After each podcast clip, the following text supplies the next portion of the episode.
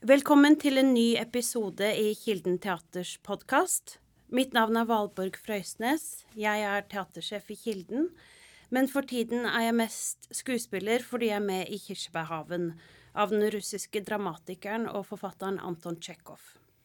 Forestillingen har premiere 26.2. Med meg i studio så har jeg vært så heldig å få med regissøren. Han er fra Frankrike, studerte først til å bli ingeniør men begynte så på teatervitenskap ved Sorbonne i Paris, og deretter regi ved Hochschule für Musik und Darstellende Kunst i Frankfurt am Main i Tyskland. De siste 20 årene har han satt opp stykker på de virkelig store teaterhusene i Europa, hovedsakelig i Tyskland, som eksempel Schauspiel Hamburg, eh, Schauspiel Köln, Münchener Kammerspiele og etter hvert også på Nationaltheatret i Oslo, hvor han har vært flere ganger. Og nå for første gang i Kilden. I tillegg til fransk så snakker han flytende engelsk og tysk, men også veldig godt norsk. Velkommen, Laura Chetwan. Hei. Hei, hei. Hva er egentlig grunnen til at du snakker så godt norsk? Vi snakker norsk nå, eller engelsk? Ja, du, vi kan begynne på norsk. Ja, vi kan begynne på norsk, men den skifter jeg på, uh, på engelsk. Ja. Um, det er to grunner. En grunn er på grunn av uh, mitt aktivitet som regissør. Og når jeg gjorde Når jeg satte opp um, Ibsens Et dykkerhjem, ville jeg ikke uh, gjøre det på engelsk når jeg snakker med skuespillerne. Uh, vanligvis når man kommer fra utlandet som regissør i Norge, man snakker engelsk med uh, skuespillerne. Man ikke ha en uh, en person som oversetter der. Men jeg ville virkelig forstå norsk, så jeg lærte norsk i Berlin før jeg kom for å sette opp et dykkerhjem. det er en grunn. Andre grunn at jeg hadde så en norsk kjæreste som var her, men det var også en grunn at man lære, og kanskje kan man uh, lære det litt uh, fortere mm. enn hvis man har bare en profesjonell grunn. yeah, yeah. Um, we can continue in English maybe when we go into further questions. Um, how how do you, how is it to be here in Kristiansand and in Kilden? Like you've come from these more large houses in Europe, and then I mean, in terms of houses, the house here is large too. It's a big stage. Uh, there are many different stages. A big building. It's uh, from the architecture a very nice building too, close to the water. Uh, but for sure, the surrounding is small uh, in the city. Uh, but you have what you need. You have a swimming pool. You have your restaurants. You have a, a place where you can buy your biological vegetables. And uh, so actually, it's everything there. it's just in very reduced um, scale. Um, I enjoy it actually to to direct uh, in places which are more out of the mainstream. I have an impression that um, maybe in the future um, some things will come from the province um, more maybe that from the main cities where the pressure, the concurrence, the the need to succeed immediately, uh, especially for young directors, is so big that maybe nothing new happens there, but more kind of um, trendy theater. Um, and maybe that uh, the province will uh, give opportunities for new um, forms to appear. Uh, Heiner Müller was saying this. This uh, uh, Kunst com- and art comes actually from the province, not from the main city. Mm. Um, and if you live in the main city, maybe it's from people coming from the province. Um, and I believe in that. Do you feel this pressure that you're talking about? Uh, I mean, as a more advanced director from the age uh, and from the experience, I, I, I could deal with it. I feel it less, but other than the beginning. At the beginning, I felt it, of course, uh, especially in the time when I started. It was in Germany, not like now, where every two years you have a new young director, or every year um, your your time of fame in terms of uh, presence in the press is very short right now.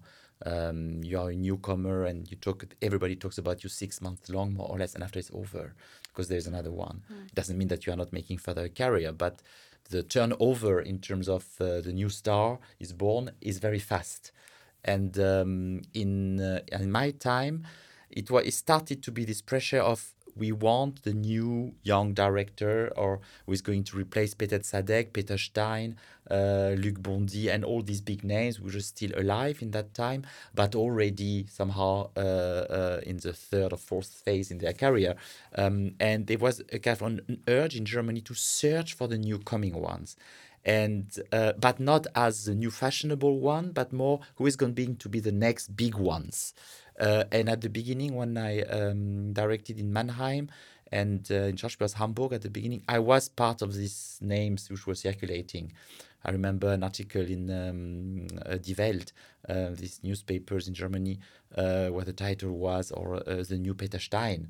Or uh, so you felt it was still in reference to these big names, and it was not so much about uh, these um, pop stars uh, coming out. And I felt this pressure at that time, and I feel now when I teach. Um, a different pressure. I feel more this pressure of this uh, fashion, um, and I feel that the young directors are very, very, very lost actually to take the time to find themselves, to find that we would be um, as director, to find their own way to deal with the stage, the text, actors, etc. And they are more uh, under the influence of what is being expected by them, and uh, it influences them a lot. Uh, it blocks them, I would say, even. Um, I had one example in KHiO where I teach one student telling me I was talking with him quite long and suddenly he, he was talking how actually he would like to do the scene. It was I think a Strindberg uh, uh, scene and he said actually I would like it to do like this but it's much too conservative for our time and I know that I would not be liked if I do it like this. And for me that's a very big problem if you cannot follow your instinct and you feel you have more to match with uh, what the whatever the time demands uh, than that you come and you propose your vision. And of course you have to be in relationship with our time. But an artist is somebody who brings a subjective perspective which is in resonance in contradiction in friction with what the mainstream is. The artist is not somebody who is supposed to be mainstream. He's mm. supposed to propose a vision and it can become mainstream but the goal is not to be mainstream. Do you think this is something uh, new that for example the students said that that I, I feel it more and more. I mean, I've been teaching now, I think, for 15 years, and uh, I feel it more and more mm. that they are really, or they are more and more looking more or less the same in what they do, um, and um, their subjectivity is uh, very, very, very difficult to to to to, to find uh, or to to hear when they talk.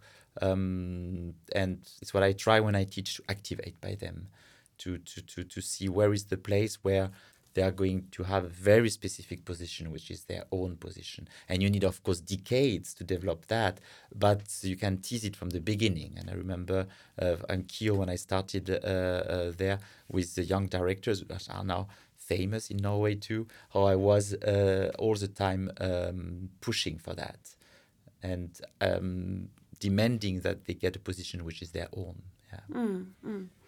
Um, and now you do the cherry orchard here in Kristiansand, which is, or the Kirsebærhaven, which is called, it's called in Norwegian, and it's one of the central classics in European theatre, uh, written by Anton Chekhov, and it was um, premiered in 1904 in Moscow, directed by Konstantin Stanislavski. And this long cooperation between Stanislavski and Chekhov has really um, been very central to how European theatre has developed. Um, for listeners who don't know the Cherry Orchard, could you just give a short introduction?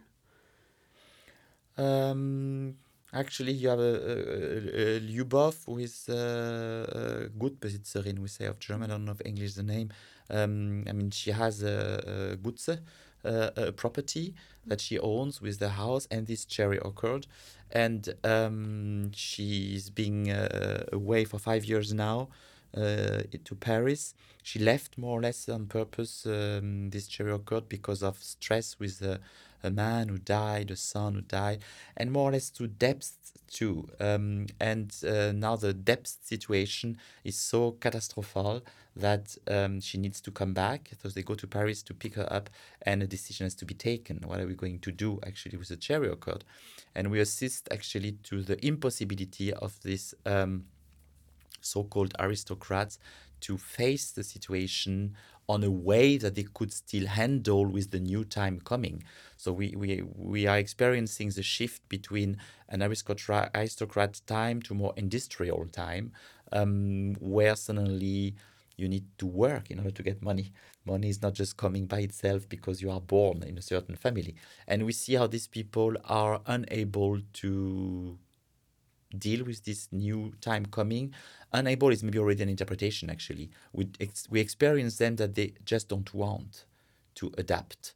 Um, and we see uh, uh, two visions of the uh, um, time uh, facing each other. So the aristocrats who don't want things to change.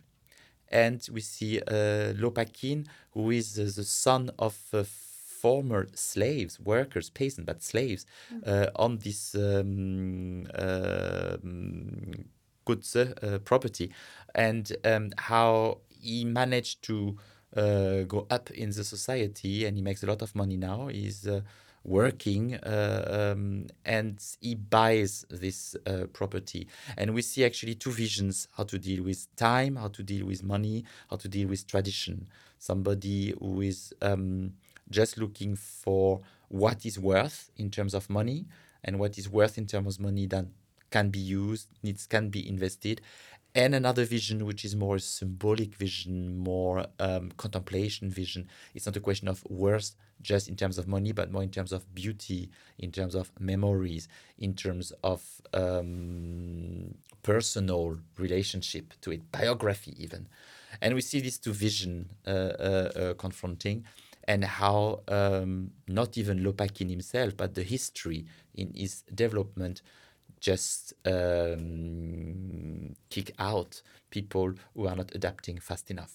Mm-hmm. And uh, we see these aristocrats uh, actually at the end have to adapt, but completely as a victim from the time. They are not deciding how to adapt, they are just kicked out. Mm-hmm. Um, so I would say that's the basic uh, story. On, yeah. It's very difficult to reduce the story on, on few things because then I start to speak about all characters uh, uh, uh Yeah, and there's many of them. Yes, but let's say there is this basic yeah. conflict between how to deal with the chariot code, which has many depths and has to be solved. Yeah, and in your work, you you um, you you always the text is very central in all your mm. work. Mm. So why why why did you want to do the cherry orchard now? Like why do a classic now? You were talking about these trends that mm. you see among young directors, mm. for example. Mm. I think where I come from. Um, um, it, it's funny. It's maybe not answering directly your question, but I just came now and I was hearing uh, uh, French radio. Um, I mean, it's a music classic uh, radio France Musique, and uh, there was an actress, um, Dominique Blanc, that I quite like. Um, she played Phaedra by uh, Patrice Chéreau, and by in, as under the direction of Patrice Chéreau. And but she was invited as actress to talk about music because it's a, it's a radio just for music, and she and she she's a, it's a show where she chooses the music she wants and she talks about it, and she was actually more or less just choosing opera um, so Handel and uh, Arie from famous uh, woman uh, role. Um, and then I heard, I saw her in uh, in um, in the uh, Phaedra by Patrice Chéreau. I saw the what she did, and it's interesting to hear how she speaks because she speaks a lot about the voice. She speaks a lot about um, the text too, the relation between the text and the actor with the voice. That the actor should still train his voice or her voice. That the voice get lost when you get old, and that she needs to still train it uh, uh, to keep it. And then the relation between opera and theater, and how much in the opera it's really about these um, basic elements of the human body uh, the, the, singing, the voice, the body in, a, in an environment. And it was like this too in theater. And I would say that this is completely disappearing. Um, that the theater is more a place now um, for uh, um, presences in terms of coolness or in terms of fun or in terms of, uh, um, but that the text itself, um, it, in its importance to gather a culture around it, uh, is disappearing. And Sherry, the, all these texts is where I come from as in my tradition. Um, I'm a theater director of the text. I believe theater is text. Um, theater for me, um, I did many dance pieces, so I did some work in theater without text, um, or you have another text which is a choreography. Um, but what I love in theater is the way a text is meeting an actor, is meeting a body, and how we are uh, giving life to this text, which is just on paper with these dead lines, um, but which are so structured that they open in bodies certain emotions, certain situation that we are looking at. And because the text as a tradition, brings us nowadays, when we look at this text on stage, in a kind of uh, continuity in relation to the tradition. Um, and then you can go until the Middle Age or you can go until nowadays. But there is a, uh, um, when I do Tchekhov, for me it's important that it has to resonate for today. Um, it has to tell us about our days, about now about nowadays, but it has to tell us something too about the beginning of the 20th century, where we come from. And this relation is for me very important, and it's in a text that you find it because the text is staying like it was. Um, we reread it, we reinterpret it, we understand it differently through the centuries when you have old text.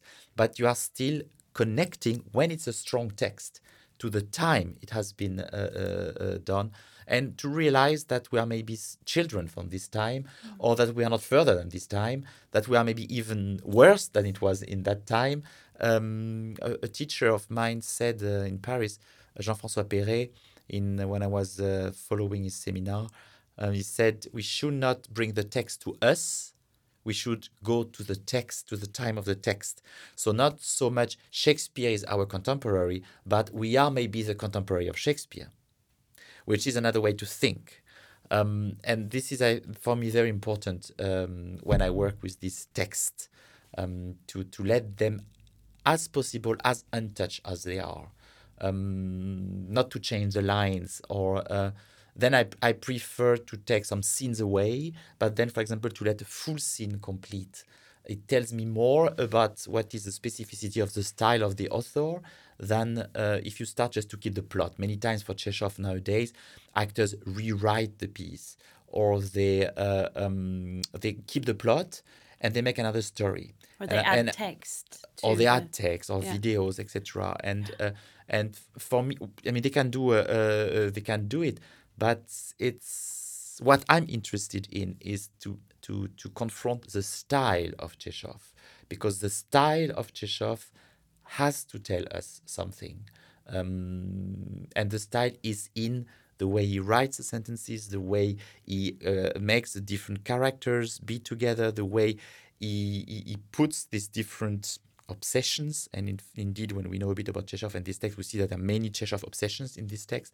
But it's not in one character; it's it's it's everywhere. So it's it's a bit like a painting that he does from his vision of the world, put in different bodies, um, different lines, and this uh, to try to catch this. That's what I love to when I hear music. Uh, like yesterday when I was hearing uh, uh, suddenly Mendelssohn or to ask myself, or um, I was hearing uh, Schubert and to ask myself, it's very close to Beethoven, but it's a huge step already. What is the difference there? And and these differences for me has to tell us something. So Tchekhov, it's not Ibsen, though it's not so far away from the time, and it's a huge difference. Um, and I think it's important that we, the theater is still working with its classics in order to keep the theater in a tradition. Um, we can actually question them, but in order to question the tradition, you need to keep it too. Um, you need to, to, to, to, to be in a dialogue uh, uh, with it. And there, for me, the text is a reference, yes. Mm. And you also, in rehearsals, you talk a lot about the actor's uh, relationship with the text and the, or the actor and the um, actor, character, and the text. Mm. Yeah, uh, there is a basic, uh, um, for me, misunderstanding in what is an actor or character. Mm. Uh, um, I mean, it's the way I look at the theater, so it's not so much a misunderstanding generally, but um, what I try to do differently. The the normally the the actor tries to make the text become as if it's his or hers, and um, I like that the actor speaks the text as something foreign, and um, it's another way to be touched by the text. Um, I see it, for example, um, when uh, I say an actor in when we rehearse, not to internalize the text, but to speak it first, just as if it's a roman, just as if it would be a page from a book, and not this I, this me in the text becomes immediately the resonance of the actor. And it's interesting how suddenly, after a while, the text tells you what really happens in the text, with the text. Um, and not that you decide before, oh, for me it means this. I press the text in this direction, but just to speak it and see where it takes you. And Heiner Müller says that the text is a bit like a coyote, you know, this uh, weird animal. Um, coyote. I don't know the name uh, of uh, in English. I mean, coyote of Deutsch. I think it's coyote of uh, of Yeah. English. Um, it's this animal in the desert, and a human being and coyote. I mean, there's, this uh, um, installation of Beuys when he's uh, spending, I think, uh, 24 hours or maybe even a week. I don't know, with a coyote in a room, and they are both looking at each other and uh, standing away from each other, sometimes a bit closer, etc. And Heiner Müller said for him, the relation between the actor and the text should be the same that the text is something foreign that you cannot completely take. Um, and it's actually like in life too. The, the language that you speak is not yours. Um, you learned it, it's uh, something you took from outside, something which has been imposed to you. Um, and you need to take it in order to enter the society, uh, a group, and you try as good as you can to find still your subjective position within a system which is codified. And that's what you call poetry. A poet is doing nothing else but trying to find a way, though the language is very rigid and there's strict rules and words, to put the words on a certain way that suddenly is becoming his or hers. And here I come back to what I said before the style. It's what actually the style is what makes us find a way to exist as subjects, though the integration in society destroy, destroys in us what would make us very specific as object. Because in order to function in society, you have to take the rules of the others too. So the only rebellion for me is the style. And we hear it in the voice of everybody. You hear that each person has another voice, another way to speak. There is um, you hear the, the, the, the, the specificity by everybody. And it is in a text too. In a good text, you have this. In a good text, the author is, uh, with his style, um, giving his subjective position. And this subjective position has to meet the subjective position of the actor. And that's there where there is a resonance which is interesting. But not because you destroy this subjective position of the author and you make it fully yours, it's more by meeting and confronting yourself with the author. Uh, For example, I see it very clearly in the pose in the text by Chekhov. There are many, many poses. He writes a lot, very precisely about the body, uh, reactions, um, call it the symptoms, and the pose. He has a lot of point, point, point all the time, which means little breaks, little one, two seconds. What is this point, point, point? Or everywhere. He has it everywhere. And first, the actor doesn't do it at all. He doesn't even learn it. Hmm. He learned the actor just learned the text. He doesn't learn what is written before this sentence, what is after, and he doesn't learn what it's written about the body. He just learns the text.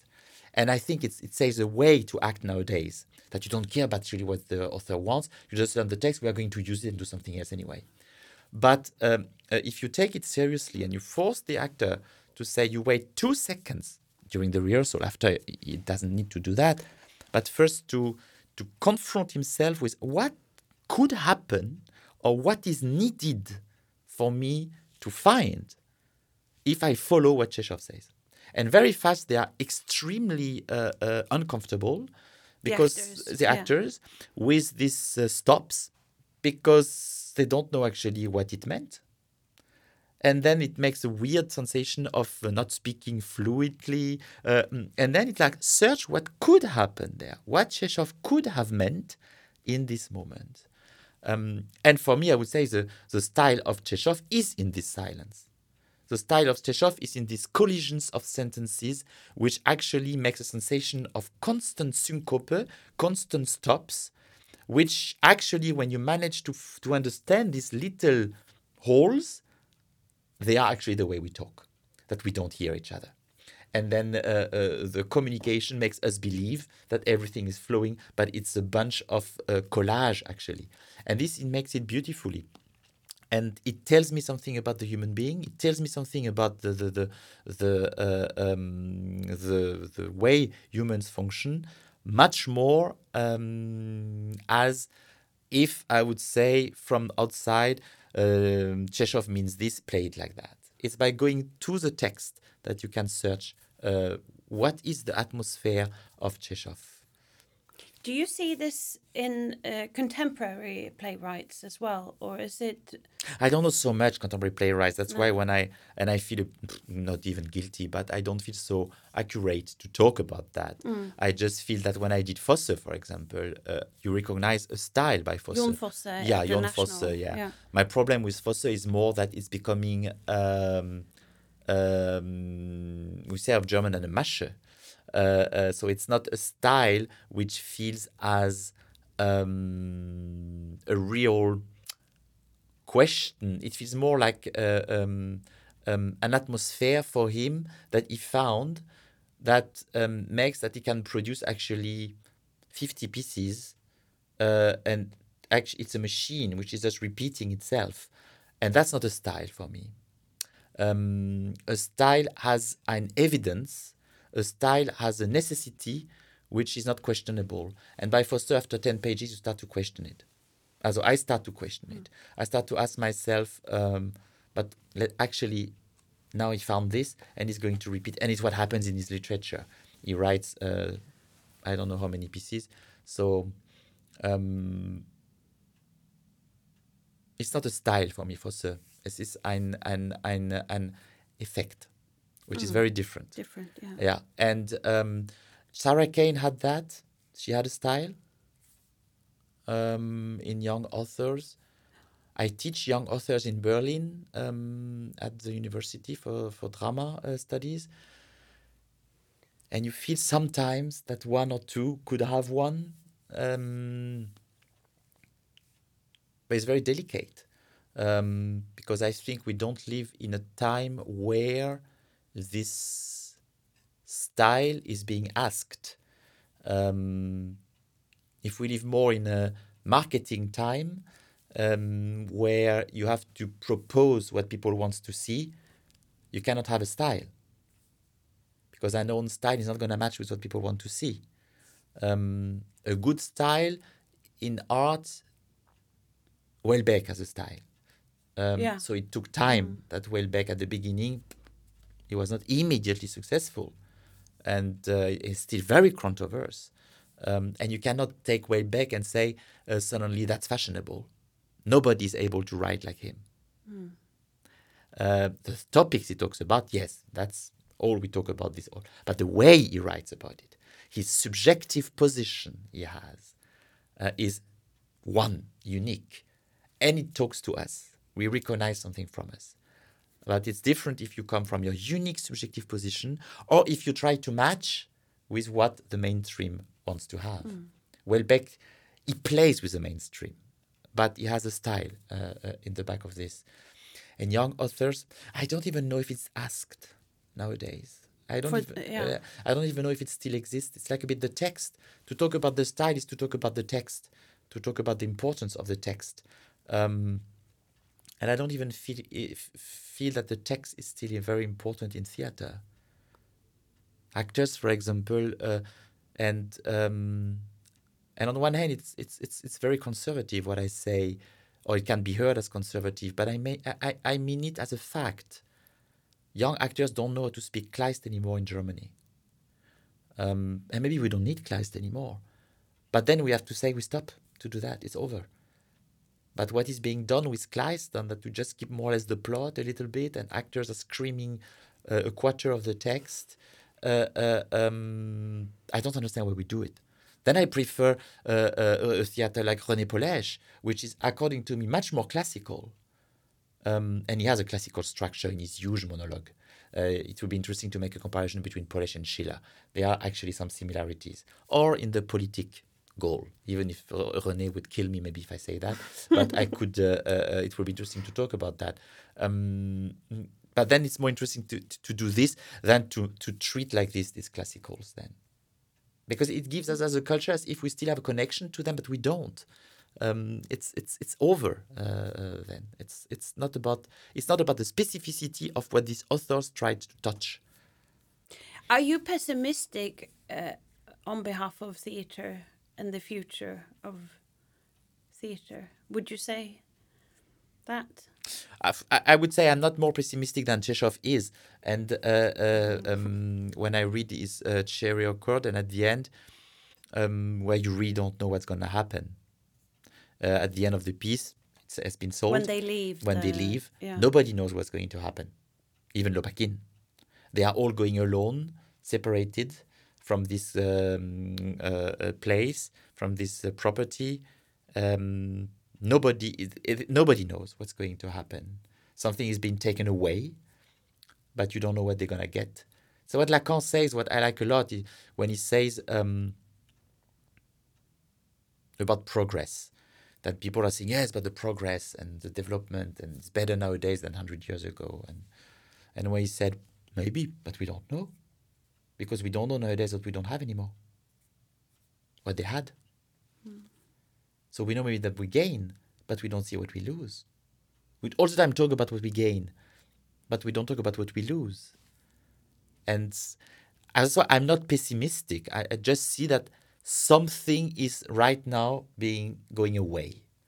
Um, and I think I started theater in the time where theater was still in Germany um, a, a, a central uh, medium, very important, and this is disappearing. It's still, of course, from the politic and from the culture politic uh, held as something important, but it doesn't have the same status as it has 20 years ago. You just look in the newspapers, in the feuilleton, how many articles about theater was uh, uh, 20 years ago. It was every day. Each uh, uh, um, uh, redaction uh, uh, had uh, uh, three critics in the theater Yeah. at the, uh, to write theater fix in the newspaper. Two, three. It's over. Doesn't Yeah, exist it's the same in here. uh, in yeah, it's Norway, everywhere in. Europe, uh, and um, and if it's bad, I, I don't even know. You know, it's you have to accept that the history makes things disappear.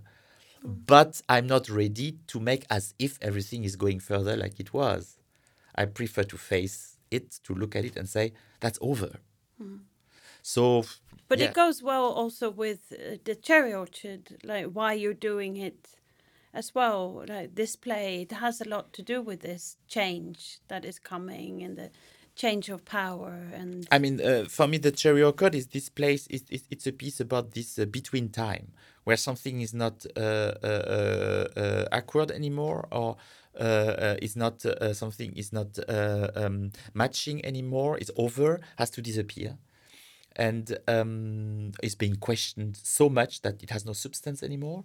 But we still don't know what's going to come as new, and that's the time we are in that a kind of um, human universalism, white European thinking coming from the Enlightenment time, more or less, um, we see that it brought catastrophe to in the 20th century, and um, it still creates some uh, racism, discrimination, etc., and that we have to question this way of thinking. So it's not working anymore, but it's how we were based on, but we don't know what else until now.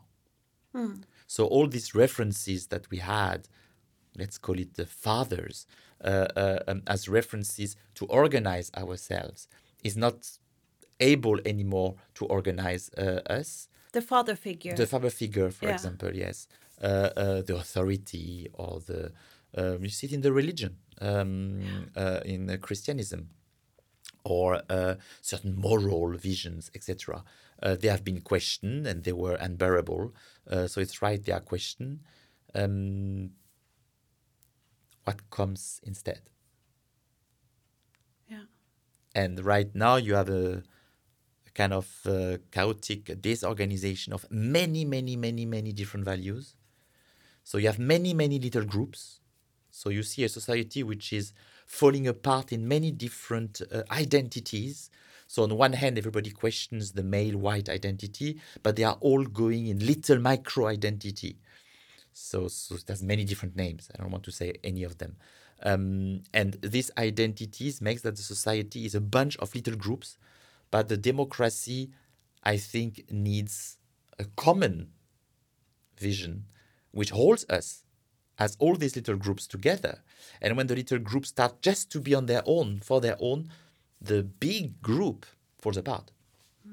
Um, so maybe we have to re-question completely the, the, how our democracy functions, on what is based, etc.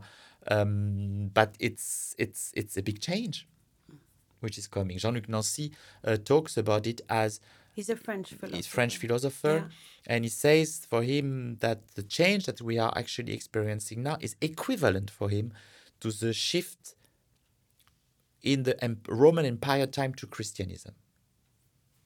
And it takes 100, 200, 300 years until we will maybe get the words, get the concepts to be able to understand what's going on and to build on something new. Because right now, all the concept that we might use, all the, the theory we have is old. Uh, and the, the, the, the, the post-structuralism or the deconst- so-called deconstruction with Derrida uh, was still part of the modern. Uh, uh, it's still some. It's uh, somehow the coda of the modern. You could say it's the end uh, uh, of it. And since what's coming, so you have some, of course, people, a lot of new theories coming, uh, this uh, coming back of the realism, etc. But it it doesn't really grasp. Talking about the um, father figure as well, that it, we we spoke about that. That's in a way absent in Cherry Orchard. Yes, I mean it's by Chekhov generally. The father is by Chekhov a very um, absent figure, um, and in Cherry uh, Orchard you have no couple, as a man and woman together, where it could work, and the children. The father is dead. Um, or you have just this old man. It's the only one who could play The servant. the servant, but Yeah. he's not having any family. He was just a servant. He was like a slave Firs. uh, yeah. uh, and he dies at the end in the house and he's going more or less to, to, to rot as a body in the space. So Chekhov shows us really that this father figure is for him uh, becoming obsolete, um, not uh, important, relevant um, anymore. And this is, I think, is for our time very interesting too. And maybe when I talk about the text, there's something equivalent. That um, in a time without father figure, it's difficult to give a reference to the text. Um, so there are many feminine movements and uh, feminine writers um, who try to find a right a way to write for a feminine um, voice. Uh, so maybe here a new concept of text will come. I mean, it's not new. I mean, uh, uh, Irigaray and whatever. And you have a lot Cixous in France. They all tried that already. I mean, when they talk today as as if it's new, it's not. It's maybe more popular as a movement. It's not so intellectual, uh, or um, but it's it's not. But um, when the I think that the importance of the text is disappearing because of this too. Uh, there is a link between the disappearing of the father figure and the disappearing of the text, Yeah. according to me. Yeah. Uh, and when you were talking about the opera singer and the um, uh, hantverk or like håndverket for an opera singer, yeah. and that it's uh, disappearing from the actors as well, because you don't, for example, um, nowadays. Before it used to be when you used microports, for example, these microphones, that that was part of an artistic um, it was an artistic decision or it was an effect or something. Yeah. But now it seems like more and more that actors need microphones in order for the audience to hear what they're saying. Yeah. But you don't want to use this. I Could mean, I, I, I- I don't want to, to to use this generally. It's just that uh, um, I saw it once, very good use. It was Stefan Pucher. It was Chekhov. It's interesting. It was um, uh, the seagull, uh, Måken, um, in Schauspielhaus Hamburg, and used the microport. But he wanted with the microport clearly to bring a kind of very intimacy between the actors that they were just talking for each other. You almost didn't see them. They were in the back. They were so it's as if they were just speaking the text in the ears of each other. So he okay, I understand what he wants. But most of the time now, the um, the microports is replacing actually the presence of the voice in the space. Um, that the actor himself is not able anymore to produce a voice in the space. So you need this electronic in order to abstract the voice, to take it from the actor and to bring it to the ears of the audience. Because the actor cannot project this voice anymore until the ears, through the resonance of the space. And here, of course, it's um, the entire theater space in his um, uh, um, basic construction space, a body, speaking, uh, a resonance in an empty space with these words is completely falling apart. And it's all, uh, and what is falling apart too with the microport, you are losing the question of the depth in the room because as audience, you don't have to go to the actors anymore. The uh, microports with the sound system is coming to you. So you can release extremely like in movie in this sound stereo whatever. Uh, um, that you just have to relax. You lay down. You can almost close the eyes, uh, uh, uh, and you just hear the text coming to you. Um, there is a kind of effort to go to the actor, um, which is disappearing through the microport. I remember um, a sentence of uh, Grüber, the director that I liked a lot, and um, it's interesting that he says to an actress, he was rehearsing Bérénice in Paris in the Comédie Française, and the actress was for him too loud or too much, and he said, "Stop going to the audience. Let the audience come to you." So Yeah. that's the yeah. point. Uh, uh, but the audience, of course, they have to work a little bit to go to the actor. Yeah, yeah, yeah. It's work. Yeah. Theater, this abstraction is work, and for me, it's all what we are losing right now. Is this amount of we share the work. That the audience has to invest something. Yes, and and to think is investing something, to reflect, to be critical, to analyze, to and, and all this is for me what is disappearing with uh, a certain disappearing of theater is this uh, place where we come in front of others and we are reflecting a very abstract uh, uh, medium and it tells us about ourselves but on a very abstract way i mean uh, it's what you have in shakespeare with this scene where Hamlet lets this uh, uh, murder of his father be played in front of the uncle. He used the theater to do it and lets uh, amateur pantomiming it. Uh, and there is something here from the base of our structure. It has a lot to do with the gaze and the watching and the seeing. Theater is a place where it's about seeing uh, too. Theatre uh, of uh, old Greek means to see, to Yeah, look yeah. uh, um, and um, and right now it's as if the, the people cannot see anymore. Uh, seeing as an activity. Now the seeing is understood that it has to come to the people. It, it has to, to to blush their eyes, to to to to to to give them so many inputs that they don't think anymore. They are overwhelmed by what they see. That's what we're used to, become used to as well with the phones and the television. That it yes, all comes course, to you. Of course. You of don't course, have to of invest course, anything. Of course, of course. And it's I so don't see- I- immediate I, don't see the theater anymore as a place of resistance. I, I, I see all what I'm trying to say this morning, talking to you, is this. I don't see it anymore. Is that And I, so if, if you mm. ask me, I'm pessimist. I'm not pessimist. It's a fact. And then if the theater is not a place of resistance anymore, I don't see the interest of this medium anymore. Yeah.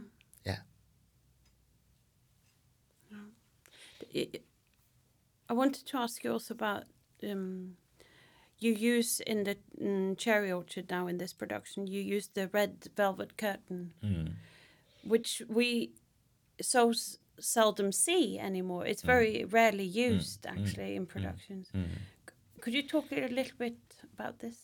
Uh, it's an old uh, uh, text, and Chekhov writes. You don't see how in many texts that the author is writing teppe, that is writing curtain at the end of the act. So it's a piece where you have very clear acts. They are very marked. Um, I need to to make a time jump between the act. It happens weeks or months between the acts in the narration. So the curtain is a way to really cut the illusion, to separate the audience from this uh, circulation between audience and public. The curtain really close something. It's, it's, it's a brutal act. I, I experience it uh, when the curtain goes down as a, as a knife would, would cut uh, uh, uh, um, a material, which is the connection uh, between up and down.